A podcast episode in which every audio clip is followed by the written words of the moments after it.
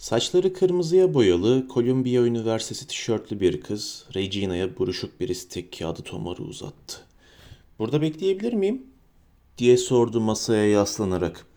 Şuradaki masalarda bekleyebilirsin. Panodan numaranı takip et. Kitaplarının geldiğini oradan anlayabilirsin, dedi Regina. Teslimat masasının tahmin edilebilir ritminin daha şimdiden bağımlısı olmuştu. Sessiz sabah saatleri, yoğun öğleden sonraları ve insanların yavaş yavaş evlerine ya da başka yerlere gittikleri akşam saatleri. Regina günlerini tartışmasız şehrin en güzel odasında geçirdiği için şanslı olduğunu biliyordu ve evet belki işi entelektüel açıdan zorlayıcı değildi ama heyecanla bekleyen ziyaretçilere kitaplarını vermenin de tatmin edici bir yanı vardı. Kitapların ve dizüstü bilgisayarların içine düşmüş sıralar dolusu insanı izlerken ne üzerine çalıştıklarını merak ederdi. Bir sonraki büyük Amerikan romanı bu odada mı yazılıyordu? Bir şey mi icat ediliyordu? Tarih yeniden mi keşfediliyordu?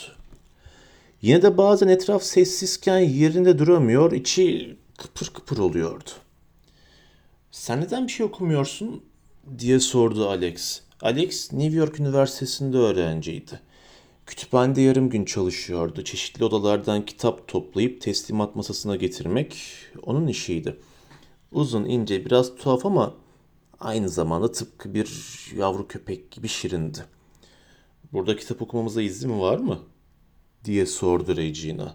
Ya bana kimse bir şey demedi ve ikimiz de biliyoruz ki Sloan boğazımıza yapışmak için hiçbir fırsatı kaçırmaz. Yani evet bence okuyabilirsin. Regina belki Alex'le arkadaş olabileceğini düşündü. Hoş daha önce hiçbir erkekle arkadaşlık etmemişti annesi. Erkeklerden dost olmayacağını söylerdi. Onlar sadece tek bir şey isterdi. Ama Alex içten birine benziyordu. Gerçi geçenlerde Alex ona saç modelini sevdiğini fazlasıyla Betty Page vari olduğunu söylediğinde Regina galiba onu küstürmüştü. Betty Page ne? diye sormuş ve Alex ona tuhaf tuhaf bakmıştı. Sanki bu soruyu ciddi mi yoksa dalgasına mı sorduğuna emin olamıyor gibiydi. Şu efsanevi poster kızı hani siyah saçlı kısa kahküllü. Alex'in neden bahsettiği hakkında hiçbir fikir yoktu Regina ama kafasını sallamıştı yine de. İnsanlar bazen ona şu dizideki kıza benzediğini söylerdi hani kahküllü olana. Ya da parmaklarını şaklatıp Zuni Deschanel derlerdi. Regina Zoe Deschanel'in oynadığı komedi dizisini izlemişti. Evet saç rengi ve modeli hatta belki yüz hatları onu biraz andırıyor olabilirdi ama Yıldız'ın oradaki çılgın ve maskara karakteri onunkiyle taban tabana zıttı. Şimdi bir de Google'da şu Betty Page denilen kadını aramak zorunda kalacaktı. Kamyon vakti geldi mi? diye sordu Alex. Regina birkaç hafta önce işe başladığından beri Alex'le öğle yemeklerinde dışarı çıkıyorlar ve 41. sokağın köşesindeki yemek kamyonundan hamburger ya da sosisli alıyorlardı. Ama bugün Regina Margaret'ı bulup birlikte öğle yemeği yemelerini teklif edecekti. Regina güney merdivenini bir koşu çıktı. Burası ilk baskılara, el yazmalarına, mektuplara ve mütevelliler odasına ev sahipliği yapıyordu. Margaret'ı bir deftere önündeki kitap yığınının kaydını yaparken buldu. Bu işi elle mi yapıyorsun? Evet, sonra bir stajyer onları bilgisayara aktarıyor. Ben o makinelerle hayatta uğraşamam. Birlikte öyle yemeği yer miyiz? Ben evden bir şeyler getirdim. Dışarıda oturup Margaret kafasını iki yana sallamaya başlamıştı bile. Ben salıları öyle yemeği yemem, dedi. Regina buna ne cevap vereceğini bilememişti. Margaret hemen ekledi. Yaşlandıkça daha az uykuya ve yemeğe ihtiyacın oluyor. Göreceksin. Peki o zaman sonra görüşürüz ha. Bu arada 402 numaralı odada, odada ne var? Barnes koleksiyonu.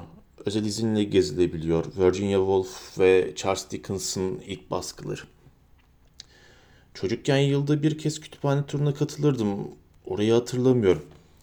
Ya daha 5 yıl önce inşa edildi de ondan. Barnes ailesi 20 milyon dolar bağışladı. Bütün ana okuma odasını restore ettirdiler. Hani bir yılın uzun süre kapalı kalmıştı. Regina biliyorum dercesine kafa salladı. Barnes odası eskiden herkese açıktı. Orada vakit geçirmekten hoşlanırdım ama izinle falan uğraşamam. Kimden izin alınıyor? Margaret omzunu silkti. Regina Authority'yi görmezden gelebilecek biri değildi ama o eserlerin kütüphane çalışanlarından gizlenmesine anlam veremiyordu. Tamam, belki ziyaretçiler 402'ye istedikleri gibi girip çıkamayabilirlerdi ama Regina'nın içeri şöyle bir göz atmasından ne çıkardı ki? Mermer çerçeveli bronz kapıların üzerinde altın harflerle Jasper T. Barnes odası yazıyordu. Regina temkinli adımlarla kapıya yaklaştı. Eğer kilitli ise içeri gizlice girip girmeme konusundaki kararsızlığı son bulacaktı. Elini altın yaldızlı kapı koluna koydu ve yalnızca birkaç saniyelik duraksamanın ardından kolu indirdi. Kapı kilitli değildi. Hafifçe itince açıldı. Regina'nın ilk fark ettiği odanın kütüphanenin diğer pek çok yerinden daha sade oluşuydu. Mobilyaları İngiliz klasikliği hakimdi. Duvarlar boydan boya cam ve ahşap kitap raflarıyla kaplıydı. Odanın ortasında uzun, koyu renk tahtadan bir masa duruyordu. Sanki bir yemek masası gibiydi ve etrafı kırmızı deri döşemeli antika iskemlilerle çevriliydi. Sonra yalnız olmadığını fark etti. Odanın kapıdan görünmeyen bir köşesinden iniltiyi andıran tuhaf bir ses geldi. Regina önce birinin ağladığını sandı ama birkaç adım attığında sesin kaynağını açıkça gördü. Çıplak bir kadın mermer bir banka yaslanmıştı. Kollarıyla vücudun üst kısmının ağırlığını destekliyordu. Başı eğikti ve uzun saçları yerleri süpürüyordu. Arkasındaki adam o da çıplaktı. Elleri kadının kalçalarında ayakta duruyor ve öylesine vahşi, vahşice bir ritimde içine girip çıkıyordu ki Regina bir an kadının zevkten mi yoksa acıdan mı inlediğini bilemedi. Bir yanı makul ve mantıklı olanı buradan hemen toz olması gerektiğini söylüyordu ama diğer bir yanı anlam veremediği yanı onu adeta olduğu yere çivilemişti. Regina kalbi çarparak gördüğü şeyin kesinlikle zevk olduğunu fark etti. Birlikte hareket eden iki vücudun düzenli ritmi, kadının kontrol edemediği iniltileri ve uzun kollarındaki ter damlacıkları, Regina bu mesafeden bile onları görebiliyordu. Saf bir kendinden geçme haliydi bu. Regina orada olmasının yanlış olduğunu biliyordu ama vücudu onu o odaya gizlice girdiği için cezalandırıyormuşçasına Regina'ya ihanet ediyor, bacaklarının arasında sıcak bir heyecan duyuyordu. Regina utançla gözlerini kaçırmaya çalışırken kendini doğruca adamın yüzüne bakarken buldu ve şokla irkildi. Onu tanımıştı. Koyu renk saçlar, kara gözler, keskiyle yontulmuşçasına muntazam atlar. Basamaklardaki adamdı. Ve gözleri buluştuğunda adamın gülümsemesine bakılırsa o da onu tanımıştı.